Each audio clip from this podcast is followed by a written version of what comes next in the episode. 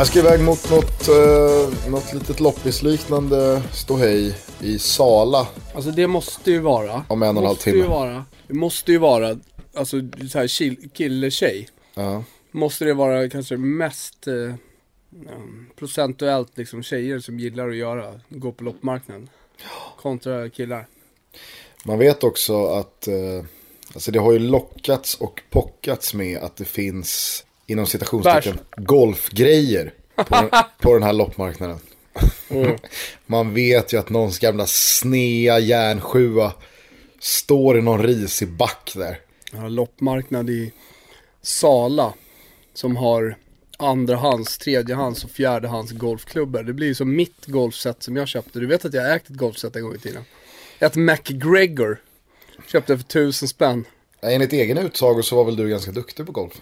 Talangmässigt så var man ju där, där i toppen. Någonstans. Jag, jag kommer ihåg när jag frågade, alltså det var någon som frågade när både du och jag var där, närvarande liksom att, ja men Thomas du gillar inte golf alls eller? Och du sa då bara, jo alltså jag, jag har bra koll på golf, jag vet allting, par fyra och grejer.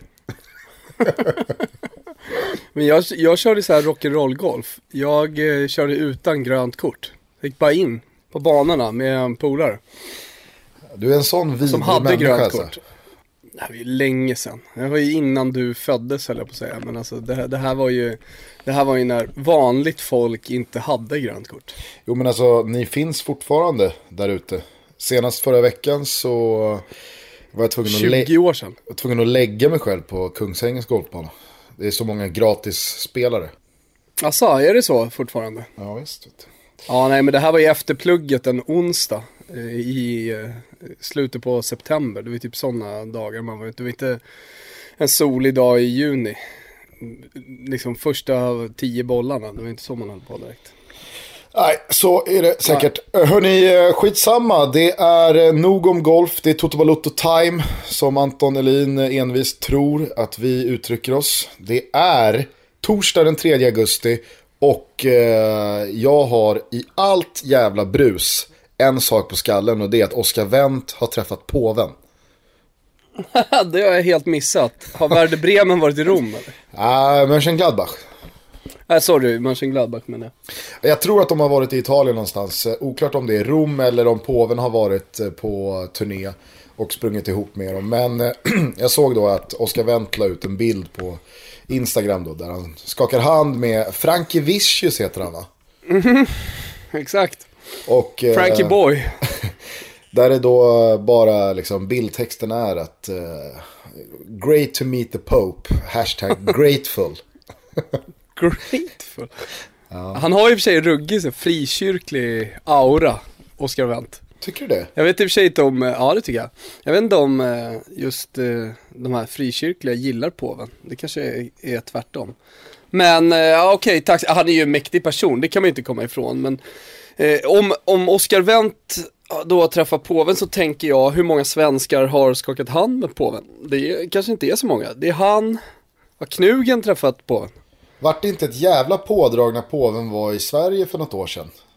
När han var här med, han, när han var här med sin Pope-mobil. Ja, Birro var väl, eh, han var väl uppe i varv deluxe. Alltså man ska. Men du, eh, kort bara om den här eh, Pope-mobilen. Man tror, man tror att det är ett skämt när folk skriver om den och, och, och gör lite narr. För påven han är ju, i ateistvärlden så är han ju ändå en sym, symbol som man gillar att och göra lite narr av titt som tätt. Han är ju lite som kungen skulle man kunna säga, påven. Sen är han ju en mäktig person, jag tycker absolut man ska, ha- man ska ha respekt för, för, eh, för påven. Det finns väldigt många som säkert lyssnar på den här podden också som, som eh, tycker att det är en bra människa och så vidare. Alltså Men, både eh, och. Alltså, man måste väl ändå ha, man måste ha förståelse för att icke-katolska människor har ju en relation till påven som egentligen bör vara icke-existerande. Absolut, så, så är det väl. Han fyller ju noll har- funktion för icke-katolska människor. Ja, och det gör han väl. På det sättet så är han väl lik eh, kungen då. För alla som inte är monarker. Ja, så är det. Men vi måste ju ändå, för, Monarkister. som svensk måste du ändå förhålla dig till statschefen. Ja, ja, absolut. Men jag tänkte bara, just, just den här bilen, den är ju helt bizarr. Ja. Med, med eh, den här bubblan runt, skottsäkra bubblan. Och sen ser den ju, annars i övrigt så är den ju ganska lik en golfbil. ja. ja. Nej, men eh, kul för Oskar Wendt då. Att eh, livet eh, liksom rullar på. Nya spännande grejer varje dag som fotbollsspelare. Det får man säga. Nej, men, eh, jag, jag, jag fascineras lite av vad det är man fastnar för i sådana här dagar när så mycket händer och så mycket skrivs och så mycket sägs om verkligen globala fotbollsangelägenheter. Och sen så är, så är det som verkligen registreras på näthinnan det är att Oscar Wendt har skakat hand med, med påven. Eh, ja men det, det är ju dessa tider. Det är allsvenskan och sen så är det Europa League-kval. Vi hade lite diskussion här om vi skulle spela in imorgon eller om vi skulle spela in idag. I och med att eh, ikväll så spelas de sista matcherna i den tredje rundan av Europa League-kvalet. Bland annat så är det ju AIK och eh, Östersund som, eh, som går upp. Eh, och sen eh, ska Milan spela inför ett fullsatt San Siro för första gången sen Eldkvarn brann.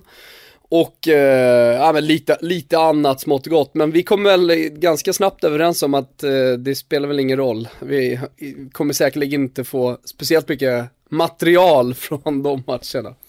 Nej, så är det väl. Eh, det, det känns som att det, det, det kittlade lite mer kring de svenska lagen och de här andra storlagen eh, i, i förra omgången. Eh, kvällens eh, buffé bjuder ju inte på vad jag tror i alla fall, några större överraskningar. Däremot så tycker jag att det var ganska intressanta Champions League-kvalmatcher som avgjordes igår. Alltså det är ju på ett sätt tycker jag väldigt, eh, väldigt talande för hur lätt FC Köpenhamn städar av Vardar. Som alltså ganska lätt städade av Malmö FF. Ja, jag vet inte om det säger... Eh, ja, det säger förmodligen mer om eh, FC Köpenhamn, alltså att de har kommit mycket längre. Exakt. Eh, än, än att liksom Malmö är helt kassa. FC Köpenhamn är, är väl ett helt okej okay europeiskt lag, tänker jag. Nej men jag tänker att eh, alltså FCK med eh, alla deras eh, Champions League-erfarenheter och där finns det ett mer, ja men nu, nu, såg inte jag den här matchen hemma mot Vardar igår som alltså FCK vann med 4-1 och, och tämligen då resultatmässigt enkelt slog ut Vardar. Som alla då vet slog ut Malmö FF för två veckor sedan. Eh, men känslan är ju att den här, eh, den här resultatraden ändå ringar in att Malmö trots deras två Champions League-gruppspel senaste tre åren och trots deras SM-guld och trots deras många, många fler miljoner på banken än alla, alla andra svenska lag har en jävla bit kvar. För det ska man ju komma ihåg att FCK, det är ju inget lag som bara promenerar in i Champions League och väl där gör det riktigt bra.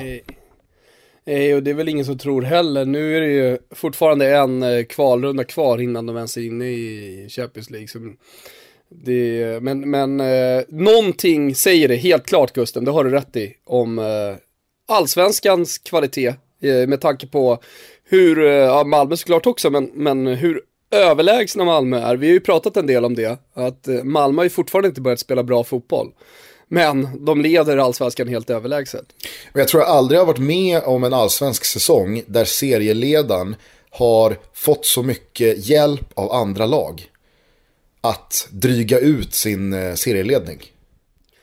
Nej, och på ett sätt så påminner det, påminner det mig lite om eh, fjolårets eh, Serie A. Alltså där, där det kändes som att så här, Roma och, och Napoli skulle ändå kunna vara med en bit in i vårsäsongen i alla fall och störa Juventus, men där det jävligt tidigt liksom blev klart, tack vare att både Roma och Juventus snubblade på eh, ja, betydligt enklare uppgifter under, under ligaspelet. Alltså det, det, lite så har det ju varit för Malmö i år.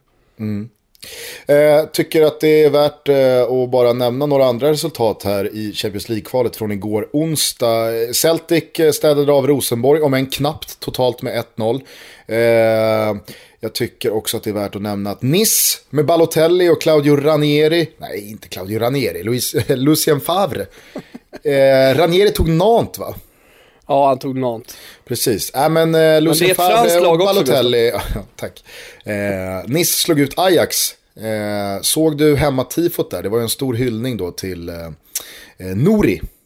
Ja, jag såg det, det var jättefin. Nori som eh, drabbades av hjärtstillestånd för de som har missat det här under sommaren. Under en träningsmatch mot, var det mot Gladbach? Nej? Kanske. Eh, det var mot ett tyst lag med en svensk i alla fall. Eh, jag, jag kommer Finns ju ett par sådana. Jo, absolut. Visst finns det ett par sådana. Men, eh, och, och sen så slog man ganska fast, äh, ganska snabbt fast äh, vid att han har fått äh, allvarliga hjärnskador till följd av det här. Och det har varit jättetragiskt. Vi har pratat om Ajax marsch, alltså fansens marsch fram till hans föräldrars lägenhet eh, sånger och man, man, man har verkligen slutit upp. Återigen så, så ser man vad, eh, när, när fotbollen visar sig från sin bästa sida, ofta är det ju då supportrarna som, som går i bräschen där. Eh, och här, här, så liksom följde ju bara laget med i stort sett. Så att eh, när, när publiken bara stannade till Eh, och, och reste sig upp i, i en slags Ivan Torina 27 minuten eh, eh, applåd och mm. hyllning. Eh, så, stannade också, eh, så stannade också spelarna på planen. Det var, det var fint. Ja, verkligen. Eh, hur som helst så blir det inget fortsatt eh, Champions League-spel för Ajax. Nice gick vidare från det dubbelmötet ett sista resultat jag bara vill ta med mig här. Det är ju den nya stjärnan på den turkiska och således då europeiska fotbollshimlen, Basakşehir. Eh, vi har ju haft med Danne många gånger som har pratat eh, om detta lag som är ganska svåruttalat och för många säkert väldigt anonymt. De vann ju ligan i fjol och har ju trots det, tycker jag, smugit under radarn. Vi får väl när eh, studion är klar här om ett tag lyfta in Danne igen och verkligen eh, få oss en liten eh, hisspitch om vad det här är för lag. Men de är ju onekligen på väg mot att ta sig in i Champions League också. Och det är ett skönt mm. jävla gäng de har. Vet, alltså, de har ju Manuel Adebayor på topp, gjorde mål igår. Ja. Ja. De har dessutom den gamla Napoli och Leicester mittfältaren Gökhan Inler. Ja. Där finns Elia, holländaren, som floppade ordentligt i Juventus. Gail Clichy. Mm. Och den, alltså, den evigt unge, Emre Belozoglu. Det är otroligt ja. alltså. Ska inte han lägga av? Emre, hur länge har hur länge har spelat då? För att kalla det för toppen, Emre. Nej, jag vet inte. Det måste vara... Måste vara upp mot 15 år. Har, har du hans Wikipedia-karriär sådär, top of, top of mind? Ja, det ska vi väl kunna ha. Eh, 36 bast har han hunnit blivit. Han är ett år yngre än mig. Det, det minns jag i alla fall själv. Ja. 80. Och det här är ju ganska så intressant. Han har alltså i sin eh, professionella fotbollskarriär nu alltså hunnit städa av Galatasaray, Fenerbahce och då Istanbul BB eller Basakşehir. Så att mm. eh, han verkar ju skamlös vid, eh, vid förhandlingsborden. Onekligen. Inte ha, något, i... verkar inte ha några problem att gå mellan klubbarna. Jag kommer i alla fall minnas honom från uh, intertiden. Alltså han var ju där tidigt 2000-tal. Innan han gick vidare till uh, Newcastle. Precis. Och de åren när, när, när det inte låg ändå lite i bakvattnet, eh, eller bakvattnet. Det var väl framförallt Milan och, och Joves år där mellan, mellan 01 och 05. Sen tog ju Inter över när eh, Juventus blev eh, tvångsdegraderade och så tog de även någon slags stafettpinne. Så är det. Ja, Emre, alltså, vilken jävla karriär. Att han fortfarande biter i. Alltså lagkapten i Basakshir som eh, alltså stormar mot Champions League. Härligt upplyftande så här en torsdag morgon i augusti. Ja, tycker jag. Lång är han ju inte heller, 1,70. Nej, han är, han är, är han, Gary Medell, vi har pratat om de här typerna som bara är som små paket. Som små, eh, små så minikylar. Ja, alltså Shakiri är ju där också. Man tänker att de är bra, de är bra på bänkpressen, de är bra i vadpressen framförallt. Alltså Emre har ju ett par ruskiga vader. Ja, men det har ju Shakiri också. Ja. Ja, det här är en jävla superspelare alltså. Nej, men kul med Basakshir. Måste jag säga. Mm. Det ska bli, vi får uh, som sagt korsförhöra Danne en snabbis. Om det är någonting man behöver veta om det här gänget alltså. Eh, sen noterar jag ju bara att eh, Red Bull Salzburg, detta mm. gudsförgätna lag som många älskar att det går dåligt för. Mm. De åker alltså mot Rijeka, mot eh, kroatiska laget. Och det, alltså så här, det måste vara så bittert för alla de som tog steget. Eh, vilket lag var det i Österrike, det här är ju dina gamla jaktmarker, som då eh, Salzburg köpte upp? Ja, det var i Salzburg. Det var i Salzburg. Ja, det var Salzburg. Ja, ja, de gjorde en eh, Leipzig, eh, eller vad man nu ska säga. De, eh, oh, fast de, det av ett mer etablerat lag var det ju. Jo, alltså framförallt så var det ju en fotbollsklubb som helt plötsligt togs över. Folk här pratar om att, eh, alltså i allsvenskan om att AFC flyttar till en, till, till, en, till en ny stad så att säga. Men de, de har inte köpt eh, stadens, eh, stadens lag, liksom gjort, gjort, gjort eh, anspråk på att, eh, att ta över, alltså de har visserligen tagit över en stad men, men det är ingen, det är ingen, det är ingen eh, rik president som har kommit och tagit över och kastat bort, framförallt det var ju det de gjorde.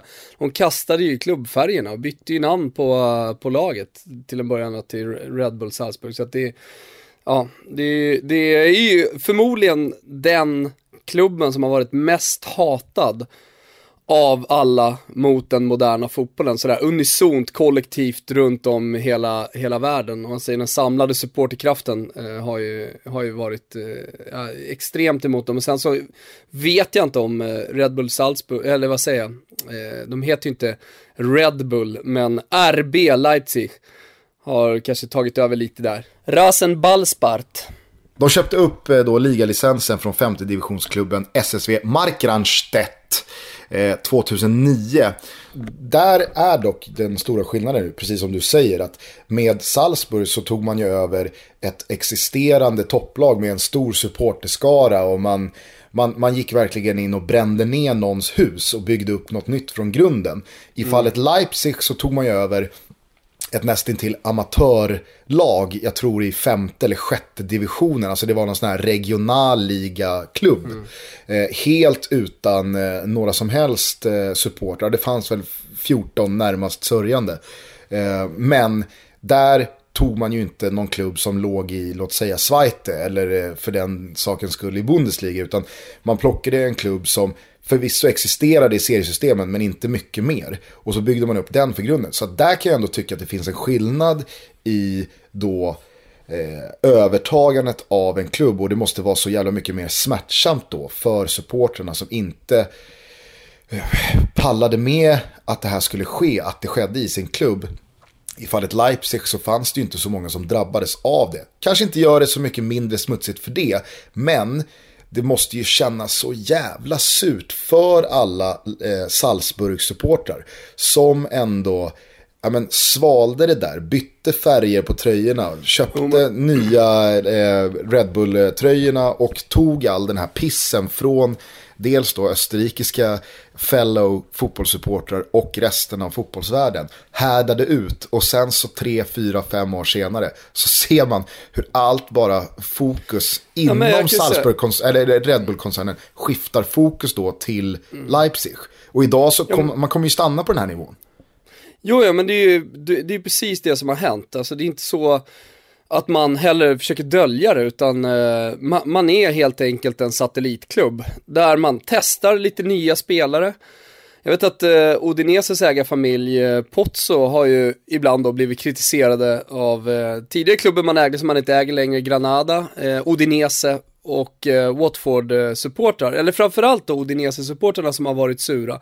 För att man har känt att man har satsat mer på, på Watford, men även Granada har ju åkt på den. Sen så har man ju snurrat spelare, men de bästa har oftast, eh, eller bästa ska jag inte säga, men, men många bra har landat i Watford, eller i alla fall så har man varit eh, irriterad på att det, det har liksom varit för mycket fokus på, på, på Watford från eh, italienskt håll. Men det går inte att jämföra med det här. Här är det liksom helt öppet såklart att det är Leipzig, Leipzig som gäller. Är det någon som inte funkar, ja, men då, om man inte kan bli av med honom på något annat sätt, ja, men då placerar man honom i, i eh, Salzburg. Och plus att Salzburg fram till egentligen eh, Champions League-kvalet mot Malmö var ju en klubb på stark frammarsch. Det kändes till och med som att det var en klubb som eventuellt skulle kunna etablera sig lite i Champions League. De hade ett riktigt bra lag när man mötte Malmö faktiskt.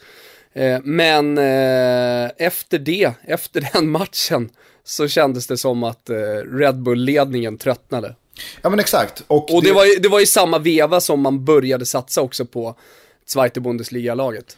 Precis, och, och, och, vad jag men, och vad jag menar då är ju att alltså, man som supporter då till Salzburg kanske ändå känner att ja, men det är värt att stå ut med all den här skiten från en hel unison fotbollsvärld som tycker att jag är sjuk i huvudet som står och hejar på det här laget. Men det kanske är värt det om jag får uppleva Champions League och kanske i förlängningen också riktigt eh, stora titelstrider på den europeiska kuppscenen. Men det de måste se nu är ju det vi alla andra också ser. Att det kommer ju aldrig hända för Salzburg. Nej. Det kommer eventuellt, kanske till och med förmodligen hända för Leipzig. Ja.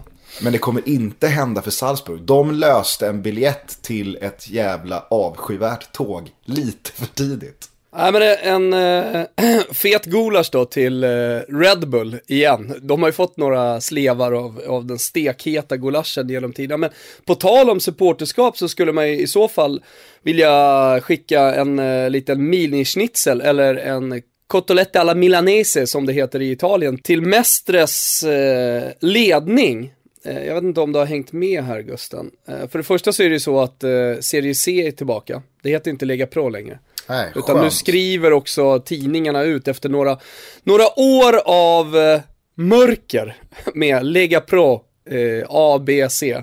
Så är, det, så är alltså serie C tillbaka.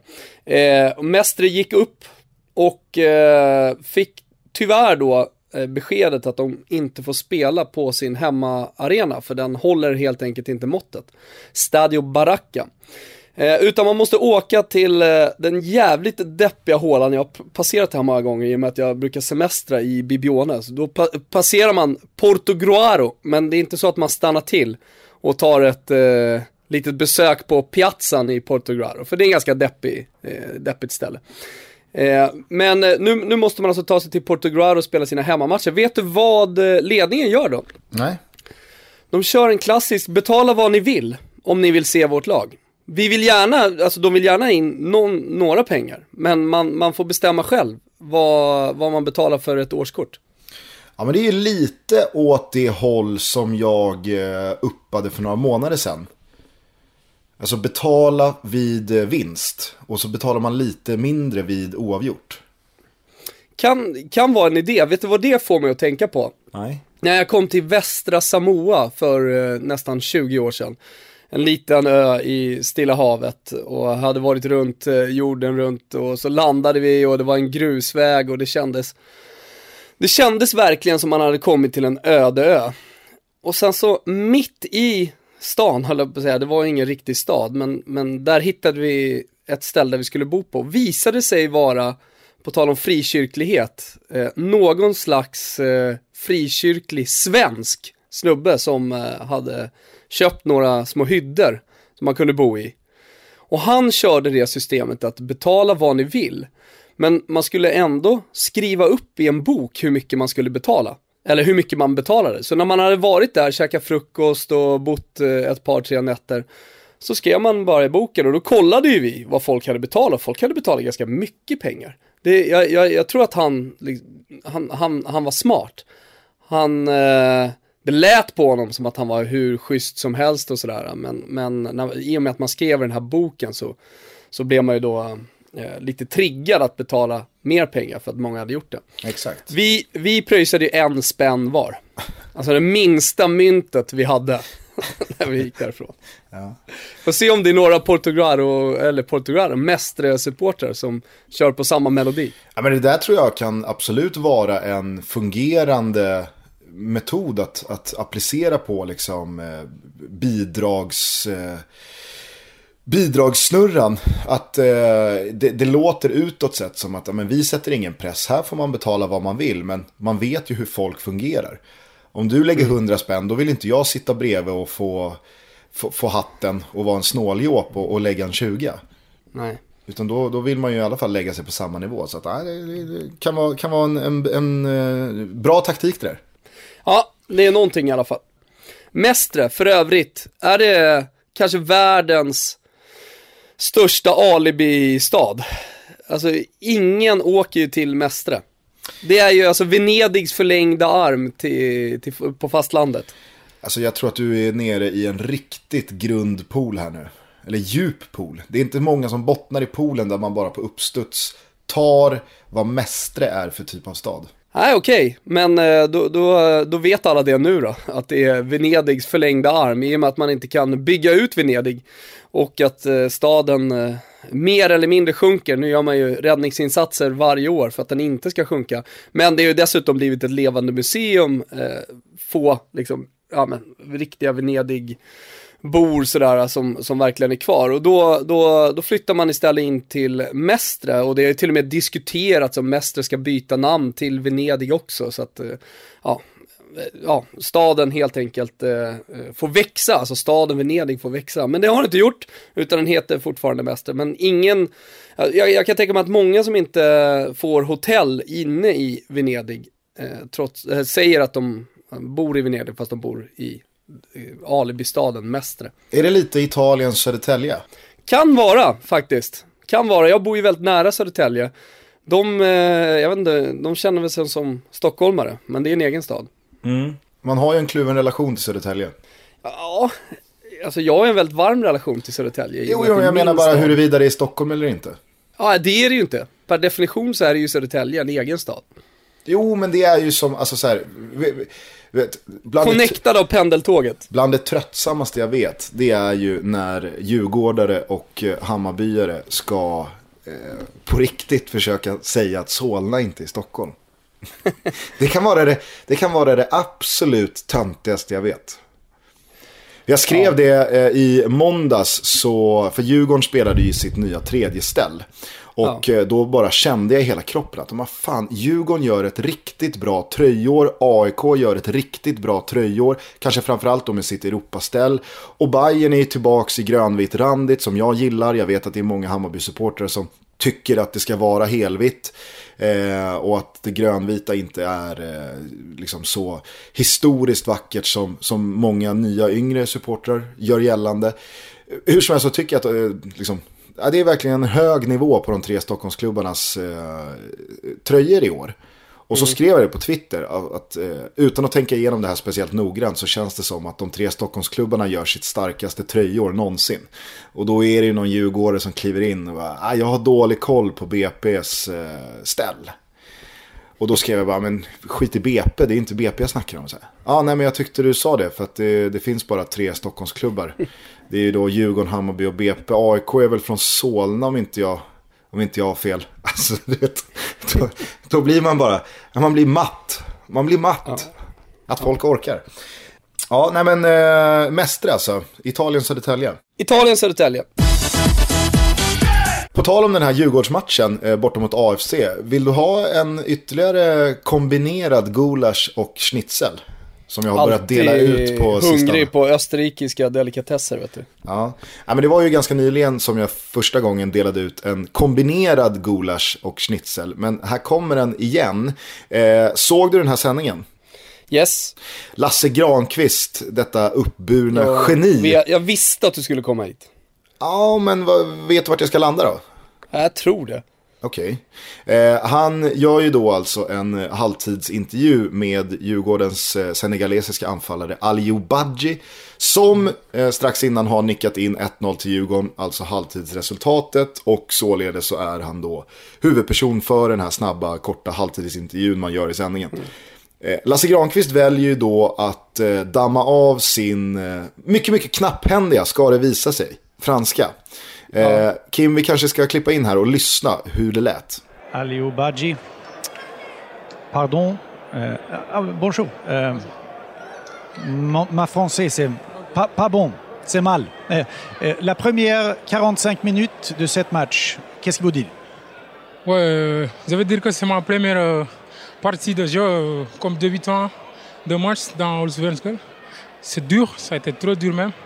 je me suis attendu je me suis bien préparé pour cela, euh, pour ne pas décevoir euh, mon coach qui m'a donné la chance euh, de débuter le match. C'est pour cela que c'était dur pour moi, mais j'ai tenu le coup. Quoi. Et votre but, c'est avec, la tête, c'est avec excellence. Oui, je suis bon de la tête. j'ai un, bon, un bon timing parce que le, le ballon est venu. c'était dans, mon, dans le timing. Quoi. Euh, je savais que déjà avant que le ballon arrive, que je, je vais la mettre au fond des filets. Quoi. Et c'est important pour moi, c'est important pour l'équipe toutefois. Quoi. Ouais. Bonne chance. Merci beaucoup. Ja, då var det det här med översättning då. Han sa dyr, det är väl tungt va, tror jag. Han tyckte det var tungt eh, på, eh, och, och lira. Hans första match från start det betyder mycket för honom att göra målet, sa han också. Eh, och det betyder mycket för manskapet också, för laget, att eh, han bidrog med att göra det där målet. Ytterligare översättning. Min fransklärarinna från gymnasiet i Solna, Eva-Vera Hellner, hör av dig. Jag behöver hjälp. Ja, eh, det var, det var ju många som då väldigt roligt skrev till mig. Är det, är det så här Thomas ser på sin egen franska? Att det här är att ta sig runt på franska? Nej alltså, herregud. Ja, nej. Eh, Lasse ligger, han, han, han, han är inte ens nära ens egen nivå alltså. Ja, nej, nej jag, jag vet inte vart eh, riktigt du placerar dig på. Om Frändén är... Men eh, framförallt så om- kan man ju, framförallt om man kan ett latinskt språk så, så klarar du dig på, på de andra också utan problem.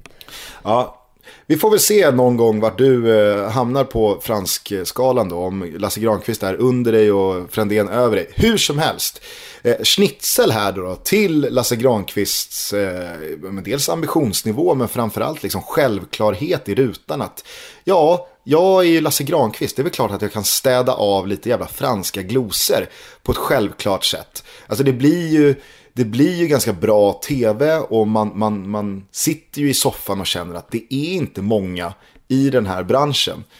Eh, så jag, jag har ju själv stått i de där situationerna. Jag skulle ju aldrig drömma om att, att försöka på ett språk som jag ändå måste vara medveten om jag inte behärskar. Nej, alltså du, du, det krävs ju att du är jävligt trygg i din yrkesroll och uh, har jävligt stort självförtroende också. Exakt, så att liksom schnitzel till Granqvist för den. Men gulaschen är ju här ofrånkomlig i och med att Lasse Granqvist, han har ju inte ett enda ord att återge i vad Ali Obaji svarar. Att det är he- ett problem så intervjun blir värdelös. hela intervjun blir ju totalt meningslös. Framförallt så måste man väl tänka så här, nu ska jag göra den här intervjun, vad är, vad är- vad är det bästa sättet att göra intervjun så tittarna, för man Exakt. gör ju en sändning för tittarna, Ja. får ut maximalt. Så det kändes mer som att Lasse Granqvist använde det här intervjutillfället till att ytterligare markera sin position som untouchable. Snarare än att nu ska jag förmedla vad 1-0-skytten faktiskt har att säga om första halvlek här. För att jag tror att till och med ganska många som kan franska, inklusive dig själv då kanske, inte förstod vad Ali Obaji sa. Det var en ganska rörig franska. Det var, det var inte skolfranskan med eh, liksom, Nej, nej. riksfransk dialekt, utan det här var ju någon riktigt rörig senegalesisk... Eh, Nej, men alltså det, det finns ju en Fusion. regel. Det finns ju en regel när man gör intervjuer på originalspråk som inte är engelska. Tycker jag i alla fall. Och Mm. det, där är ju Frida Nordstrand som ska gästa oss här om någon vecka. Eh, tycker jag, eh, ja men bäst i Sverige på att göra det, tveklöst. Eh, alltså hon, hon kör intervjun och sen eh, har hon en jävla förmåga att få de här stora tränarna och spelarna att bara eh, liksom stå och vänta, acceptera det och fortsätta vara ja, men delaktiga mentalt i intervjun. Jag tycker det känns som det i alla fall. Alltså där, där är hon extremt skicklig. Det är sällan de står och skruvar på sig. För hon kör en fråga, sen översätter hon den. Ibland när hon känner att hon får ett kort svar, då kan hon dra på en till fråga. Eh, men hon har en jävligt bra känsla på när det är läge att ställa sig och översätta eh, svaret. och Men översättningen i sig som är ju alltid en förstklassig summering. Ja, verkligen. Eh, eh, men, men eh, och, det är det jag skulle säga, alltså grundregeln här är ju att du faktiskt kan översätta det som faktiskt har svarat. Exakt, och det är det som blir. Det, det, det, alltså, här är nästan alltså, gulasch kombinerad schnitzel 2.0. För att här kommer ju schnitzeln då tillbaks. Alltså det blir ytterligare en liten schnitzel här till granen. För sättet han hanterar att han då inser att jag kan ju inte översätta här vad Budgie sa. Jag har ingen aning. Alltså det, det, känns som att han, det går upp för honom att just det, det här gör vi live. Folk vill ju ändå veta vad Budgies svarade här nu på mina, mina hackiga frågor. Eh, ja. Men han tittar bara rakt in i kameran och säger att jag, jag, kan, jag kan inte översätta det här. Eh, min, min franska får höra, är... Får höra Jabbo hur det här lät. ja. Aliou Badji. Pardon. Ah, bonjour. Euh, mon, ma français c'est pas, pas bon. C'est mal. Eh, då var det det här med översättning då. Men eh, denna dag handlar ju såklart inte speciellt mycket om vare sig Lasse Granqvists eh, knapphändiga franska eller Champions League-kval eller Oscar Wendts möte med The Pope. Utan såklart då Neymars övergång till PSG. Du skrev en eh, jävligt eh, håsad eh, krönika i Expressen igår. Jag vet inte om den var så håsad, men jag satte väl lite ord på känslor som, som folk har nu när han då går till, eh, eh till PSG för så extremt mycket pengar. Eh, men det handlar inte speciellt mycket om pengarna, eh, tycker jag. Eh, det är ju, tycker jag att det finns sjukare övergångssummor. Alltså spelare som kanske inte är värda de där pengarna. Eh, som, eh, som just nu eh, lämnar och ska jag spela dussin fotboll i, vad vet jag, West Ham eller något mittenlag i Frankrike. Ja men där måste jag verkligen haka på dig och det, det här har väl eh, Mourinho också eh, sagt eh, nyligen på frågor om just Neymars övergång till PSG. Att han blir inte speciellt upprörd över det här. Alltså han tycker ju att, och, och där kan jag ändå köpa både han och, och dina ord här att liksom att, att eh, Neymar blir världens dyraste spelare och att PSG eh, slevar upp enorma stålar för honom. Det kan jag ändå tycka är logiskt. Alltså, det här kommer ju med all säkerhet ta PSG ytterligare ett steg mot världstoppen. Eh, och då kostar det. Så att jag, jag, jag, kan ju, jag kan ju verkligen förstå 2 miljarder för Neymar mer än vad jag förstår 5, 6, 700 miljoner kronor för ja men som du säger, dussinspelare. Ja, men du kan ju, kan ju tänka dig vilka utköpsklausuler man kommer sätta nu. I och med att eh, Mbappé kostar, Mbappé kostar eh, 180 miljoner euro. Eh, Donnarumma, en eh, 18-årig målvakt, eh, hade ju eh, en miljardprislapp på sig ganska tidigt. Alltså, det, men nej, och nej är ju så stor så, alltså jämförelse med alla de här alltså ogreppbart eh, rika och dyra världsstjärnorna inom fotbollen är ju ändå på en helt annan nivå. Jag kan väl tycka att han nästan är värd då i, i jämförelse 3 miljarder. Alltså dels för hans enorma dragningskraft som profil för en klubb. Och allt vad det har med tröjförsäljning och uppståndelse att göra. Men eh, också rent sportsligt så, så, kommer han ju lyfta PSG, precis som du är inne på, till, till, till en annan, annan nivå. Eh, sen så kan jag också tycka att det är grejer som man glömmer och som jag inte, inte skriver i, i krönikan här. Om man bara lite kort glömmer pengarna, för det får man ju göra. Man kan väl bara leka med tanken att det bara handlar om sport där. Så, så är det ju en spelare som lämnar storebror och eh, nu står på egna ben så att säga. Alltså han har ju ändå varit i skuggan av Messi i Barcelona.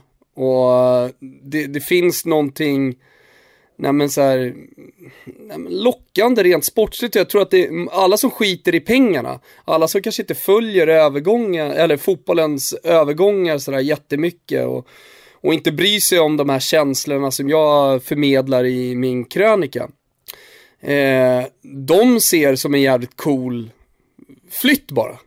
Sen så, sen så tycker jag att man måste problematisera en sån här övergång. Framförallt för att den är så smutsig som den är. För du hänger väl med i svängarna här Gusten?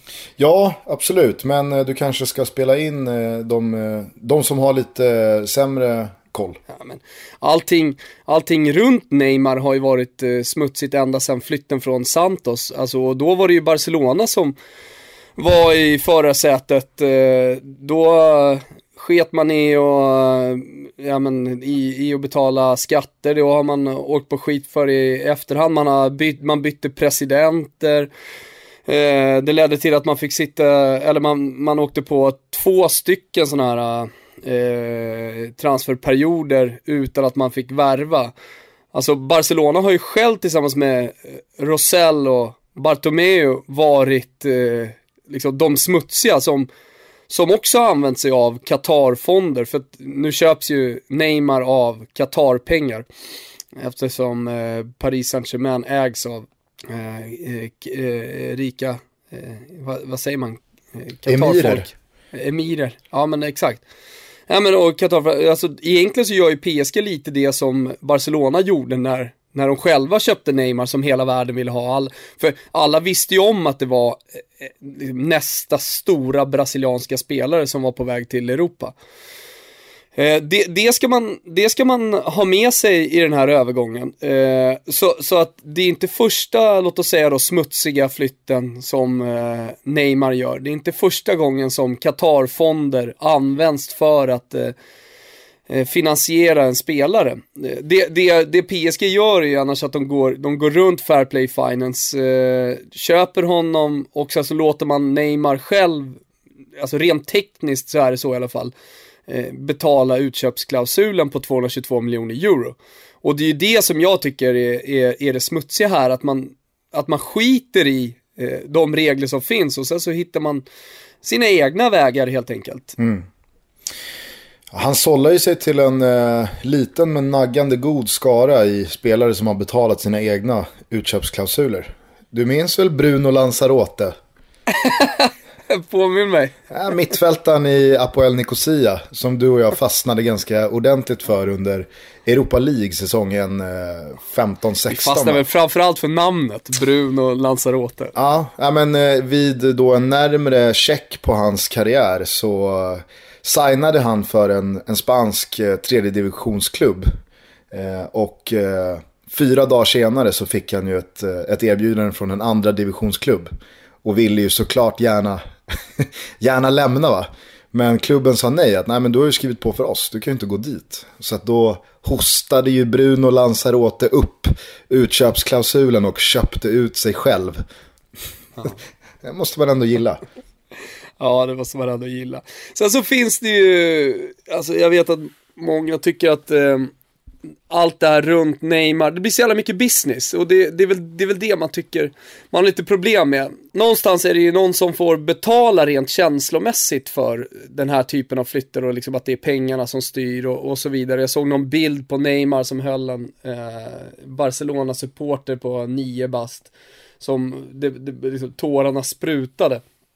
Och det, det, det är ju återigen supporterna som kommer i kläm här när maktens eh, män eh, ska få sin vilja igenom. Mm. Och, och det, det, det är det som jag tycker med, om, när man pratar om fotbollen som business och mot den moderna fotbollen, det, det är det som, som jag tycker är så beklämmande att det, de, de, de kan liksom inte leva tillsammans. Alltså fotbollens grundstommen som är supporterna, passion, känslor, kan inte leva med businessen för businessen är hårdnackad.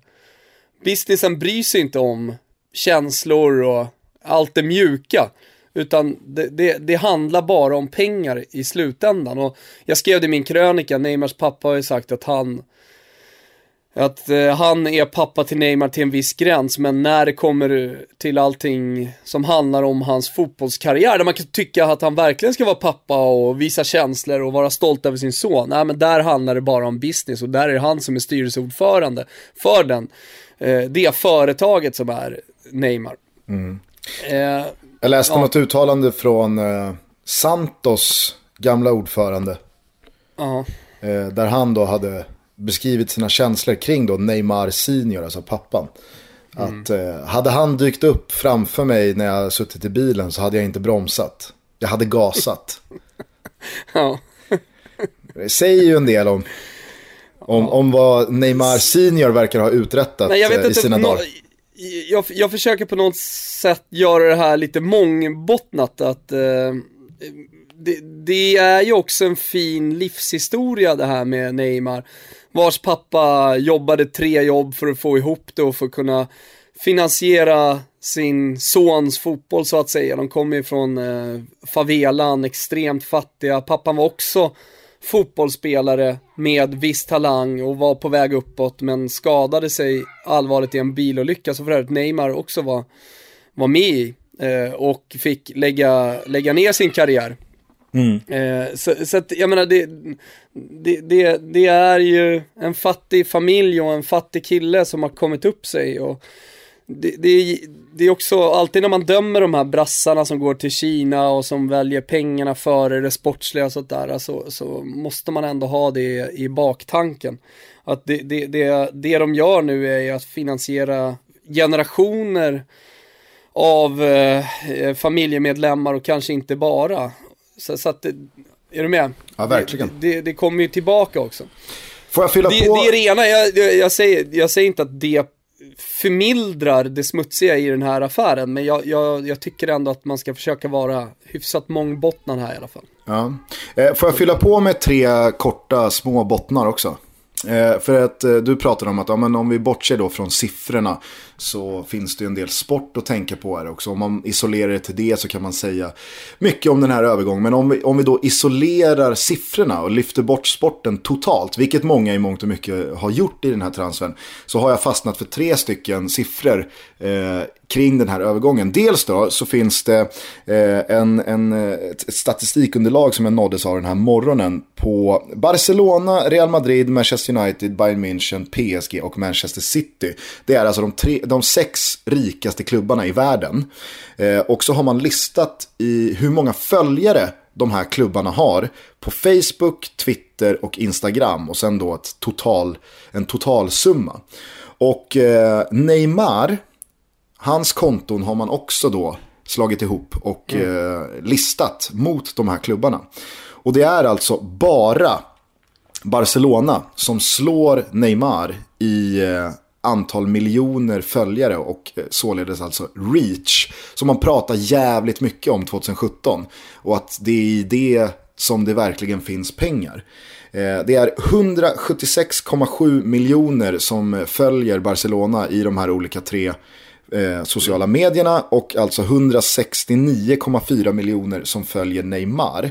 Om vi då jämför med PSG så är det 43,3 miljoner som följer PSG. Så att ni kan ju själva räkna ut att det är alltså, ja, give or take 130 miljoner fler som följer Neymar än som följer PSG. Och vad det kommer innebära för PSG och deras varumärke och hur snabbt de kommer växa och hur många de kommer nå ut till. Ja, så pratar vi ganska många hundra procent i ökning. Jo, men det är det jag menar också med eh, att de här två miljarderna i sig för Neymar inte är jätte, det är jättemycket pengar, absolut, men, men eh, de kommer få tillbaka Exakt, och, och det, är det, man, det är det man nog Eh, eller man, jag vet inte hur, hur, generell man ska vara, men jag tror att ganska många underskattar nog eh, hur lite, inom citationstecken, två miljarder är för en klubb som PSG när man köper en sån potential som man gör i Neymar. Inte bara på fotbollsplanen utan kanske framförallt i dessa tidevarv även utanför planen. Ja. Eh, de två andra siffrorna, det går lite snabbare. Jag såg bara hans kontrakt, eh, han kommer tjäna 5,5 miljoner eh, efter skatt i veckan. Ja, ex ja just det, precis, exakt, det stämmer. Mm. Då, då är ju känslan va, att han rimligtvis borde vara världens bäst betalda fotbollsspelare. Men nej, där såg man ju att han ligger ju i lä då jämfört med Carlos Tevez som tjänar alltså 6,6 miljoner netto i veckan. Alltså, det har ju gett en nytt perspektiv på Tevez kontrakt. Ja, vad har han uträttat då, rent sportsligt eller för all del även marknadsföringsmässigt för den kinesiska fotbollen och inte minst hans klubb. Alltså du vet, det enda jag har nåtts av Eh, i, Känns ju i... inte heller som en sån här spelare som folk eh, går man ur huset för att se spela fotboll heller, eller? Det, det känns ju framförallt som att Carlos Tevez, han har ju inte ens Instagram. Nej, jag skiter i det. Men det enda jag har nåtts av eh, vad gäller Carlos Tevez karriär i Kina, det är något klipp där Carlos Tevez bara står helt stilla eh, i någon spelsekvens där hans lag inte har bollen och TVs pallar inte ta försvarsjobbet. Alltså inte pallar som att han gör det dåligt utan han står bara still med händerna i sidan och tittar. Och han lyfter alltså 1,1 miljon mer än vad Neymar numera kommer göra i veckan. Ja, det är bisarrt såklart. Det är, det är ju enda sättet också för de kinesiska klubbarna att, eh, att locka storspelare från Europa. Tredje och sista botten. Det är ju alltid kul när det är sådana här stora summor. När artiklarna dyker upp. Det här kan du göra för dina pengar. Om det är någon, nu som, har, göra, någon som har vunnit på Lotto eller sådär. Den svenska klassiken brukar ju vara då så här många kanelbullar kan du köpa för din V75-vinst eller vad det nu har varit för miljonbelopp som har trillat in på kontot. Det brukar ofta vara med Zlatan då. Här är Zlatans nya superkontrakt och så är det någon då som har räknat ut så här många kanelbullar kan du köpa. Men då, så, då scrollade jag bara på Twitter och så, så fastnade jag för tweeten. Eh, PSG hade kunnat köpa Spotify Premium i tio år till eh, alla rumänska invånare. Till alla rumänska också. Hela Rumänien hade kunnat få Spotify Premium i tio år. Men ni valde att lägga era pengar på Neymar istället. Ja. Det tyckte jag var kul, det var upplyftande. Jag, tror inte, jag vet inte om Spotify finns om tio år ens. Jag tror du skulle säga, jag vet inte om Spotify finns i Rumänien. Nej, men eh, jag, sista då, på tal om siffror. Sätta det här i lite perspektiv, den här övergångssumman. Och med all respekt för eh, inflation och så vidare så, så drar jag ändå vad olika storspelare har köpts för genom åren. Så 1973 så gick ju Johan Cruyff från Ajax till Barcelona för 520 000 euro. Jag pratar i euro-termer. Så inte så speciellt svårt för folk att använda en nolla. Men det känns ju som att man pratar rätt mycket euro-miljoner nu. 1984, då gick Bars eh, Maradona Maradona, jag tar om det där. 19... Nej, det där behåller du Kim. Då gick eh, Diego Armando Maradona från eh, Barcelona till Napoli för 13,5 eh, miljarder lire eller 7 miljoner euro. Zidane 2001 gick alltså, från Juve till Real Madrid. Jag måste bara säga innan du fortsätter med Zidane. Helvete. Alltså som det gick åt helvete för liren. Ja. 13,5 miljarder lire. Ja. Det är inflation, inflation är its finest. Ja, när man läser italienska tidningar så är det inte alltid så att de översätter till euro, så då, då, får man ju lära sig att räkna om och det har ju jag gjort. Och det är ju faktiskt så att i Italien så pratar man rätt mycket i gamla liretermer fortfarande.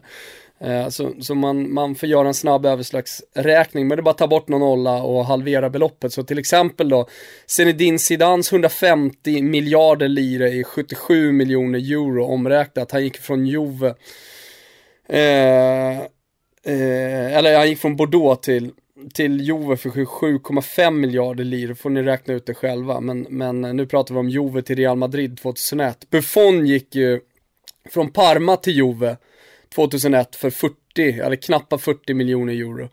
Eh, här är en lite mer modern jämförelse då. Cristiano Ronaldo, jag kommer ihåg vilken uppståndelse det var kring den här över, övergångssumman när han gick från Manchester United till Real Madrid. Alltså det var pengar som kändes ogreppbara, 94 miljoner euro. Det var 2009 va? 2009. Det får man ju knappt en decent anfallare för nu för tiden, eller? Du får ju inte Pogba för det. Nej, alltså du, du fick ju Gonzalo Higuain för ett år sedan, men det känns ju som att eh, det var ett år sedan. Nu har det hänt. Coutinho till Barcelona just nu, som är en affär som i all högsta grad lever i och med att eh, Neymar lämnar. Eh, där är ju över en miljard som det pratas om. Mm.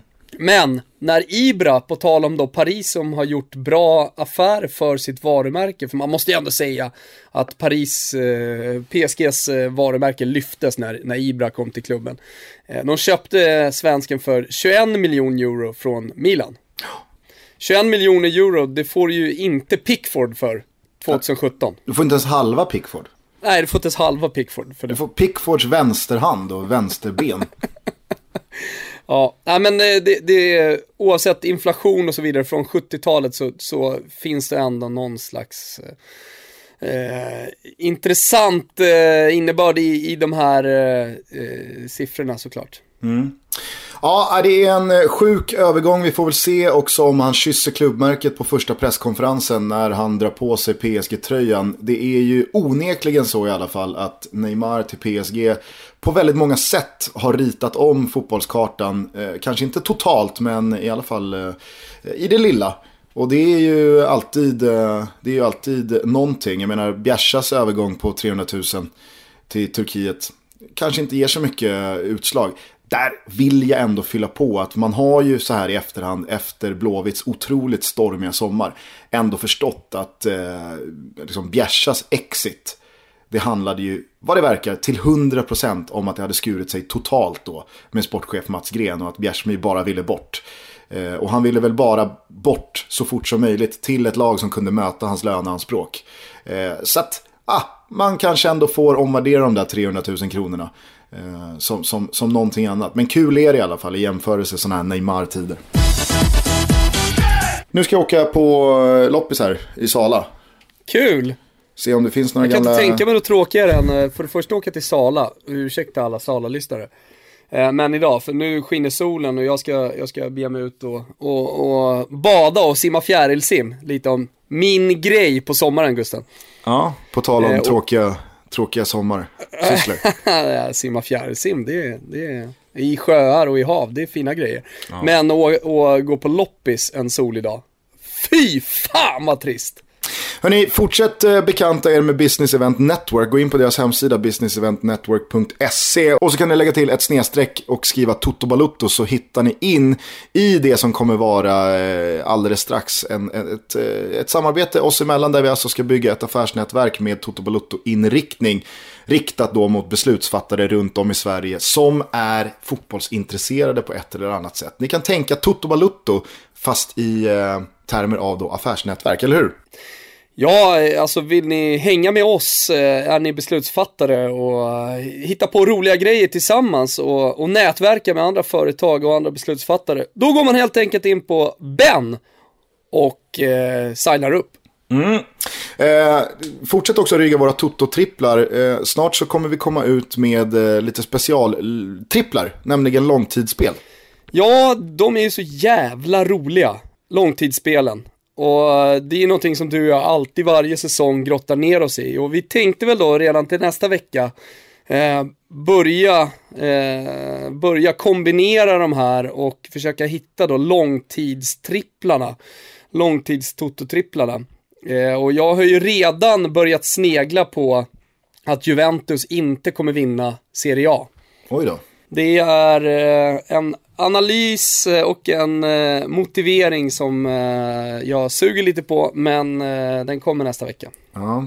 Jag känner i alla fall att vi inte kommer lyfta luren och rådfråga Adam Pöler Nilsson om, eh, om långtidsspel gällande Bayer Leverkusen. Ja, det gick ju sådär förra året. Eh, De, skulle, ko- de skulle vinna Bundesliga om inte Bayern München fanns. Exakt. Bayern München borträknat, Bayer Leverkusen att vinna Bundesliga. Kom väl 11 eller något sånt där.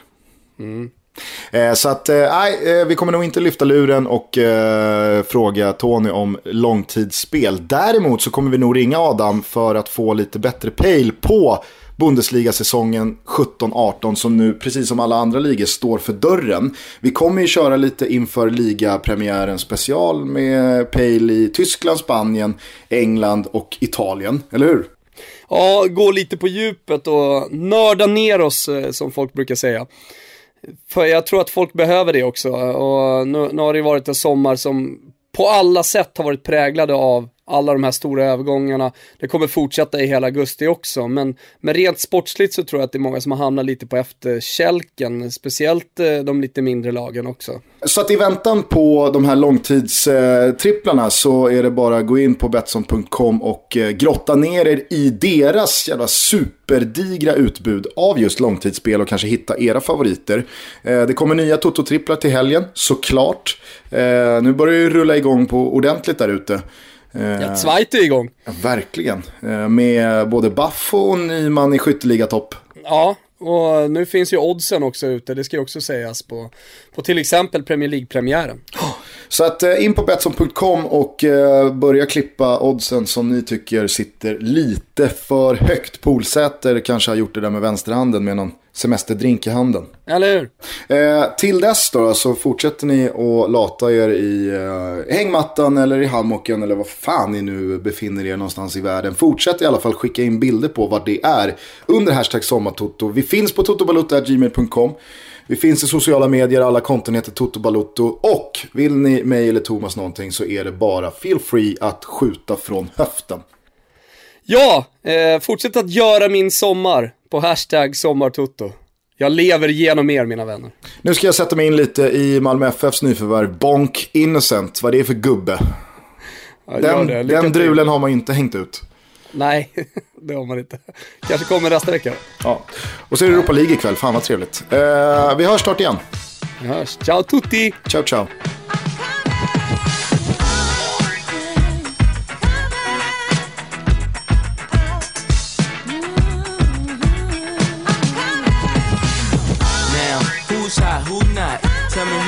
Who sell out in the stores. You tell me who flop, who cop the blue drop, who jewels got pops, who's mostly Gucci down to the jewel top. The same old pimp, Mace, you know ain't nothing changed but my limp.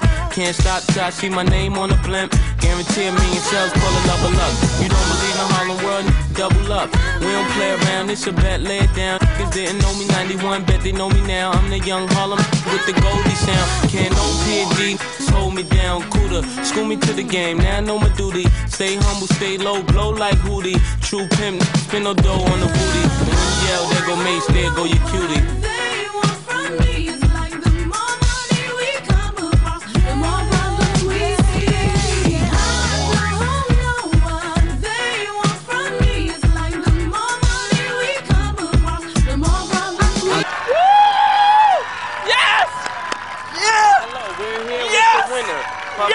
Pumpkin Woods. He have just won the Bad Boy oh. Golf Tournament.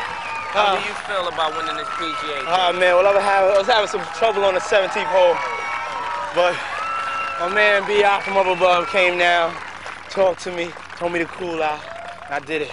I did guess it this BI. mean, I guess this mean more money, more problems for you. Yeah, I guess so. More money, more problems. It's just the way it is. Hey, we're coming back to you, Billy. DDY. I know you rather see me die than see me fly. I call all the shots, rip all the spots, rock all the rocks, cop all the drops. I know you're thinking now when all the ball is stopped. You never home, gotta call me on the yacht. Ten years from now, we'll still be on top. Yo, I thought I told you that we won't stop. Now, what you gonna do with a crew that got money much longer than yours? And a team much stronger than yours. Violate me, this'll be your day. We don't play, mess around, be be on your way, cause it ain't enough time here. Ain't enough lime here for you to shine here. Deal with many women, but treat down's fair. And I'm bigger than the city lights down in Times Square.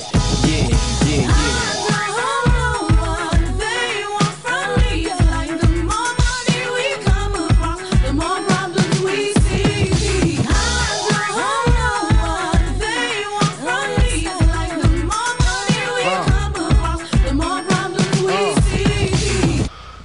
Real, yo.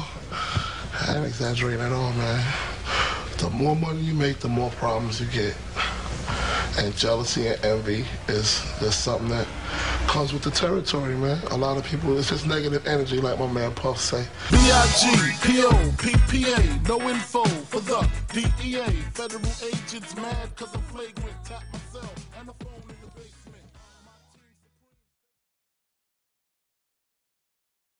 Nu har han ju i alla fall för första gången som jag har sett eh, uttalat sig, Crescito, om den där eh, förjäkliga sommaren.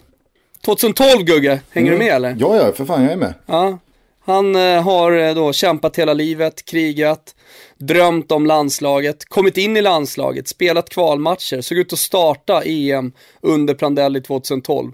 Då gör ju den italienska polisen razzia hemma hos eh, det italienska landslaget på Coverciano, den klassiska landslagsträningsanläggningen. Eh, och en av eh, gubbarna som man har då riktat in sig på är ju Domenico Crescito, för han har fastnat på bild tillsammans med skummisen Beppe Sculli. Eh, det visar sig sedermera att Crescito hade inte gjort någonting, han hade bara varit ute och käkat i Genoa. Men han var också den enda som inte fick spela EM på grund av spelskandalen.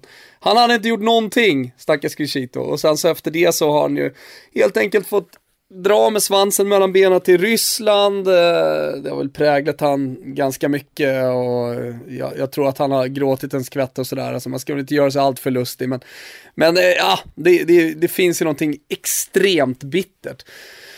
Eh, nu har ju Ventura då uttalat sig eh, och sagt att den ryska ligan, det är en liga som man inte ens eh, kollar åt.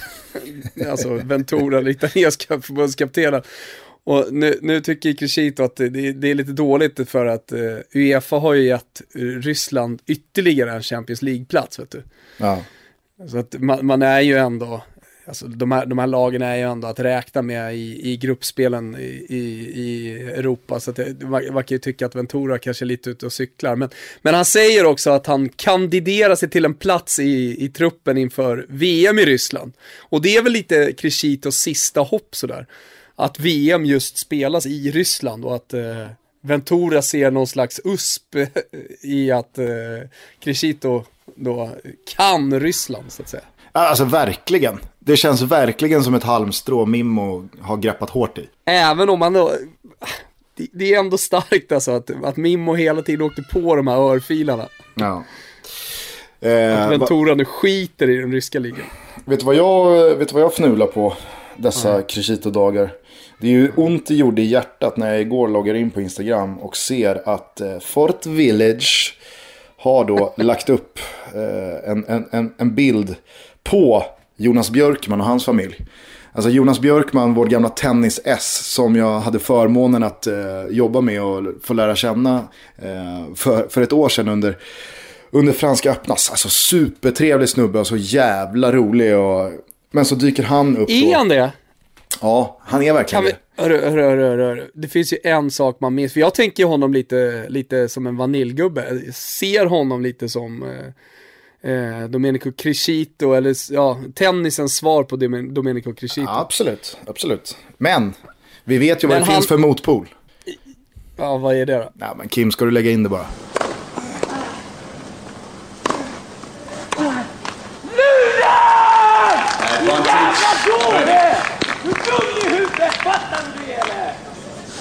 Första gången du är inne och fördärvar. Luder! Luder! Fan inte första gången du är inne och fördärvar. Det var faktiskt dit jag skulle komma också. Ja. Och då, alltså så, här, så att när jag då såg den här bilden så kände jag bara nej, nej, nej, nej. Är det här nådastöten för Björkmans eh, vaniljande? Så att jag var ju tvungen då febrigt gå in på YouTube och hitta den här eh, utbrottet från Wimbledon och se när han lackar och känna bara nej. Alltså det är inte Sveriges mimmor här. Fast Även om är det är lätt att tro. Ja, men är det någonting vi har sett på Fort Village så är det ju att, eh, alltså det, det finns ju en del av Fort Village som är Edge. Bara det att där befinner sig inte Crescito när han är på resorten. Nej. Hej då, Han hej då. en egen liten hörna. Hej då, hej då, hej då.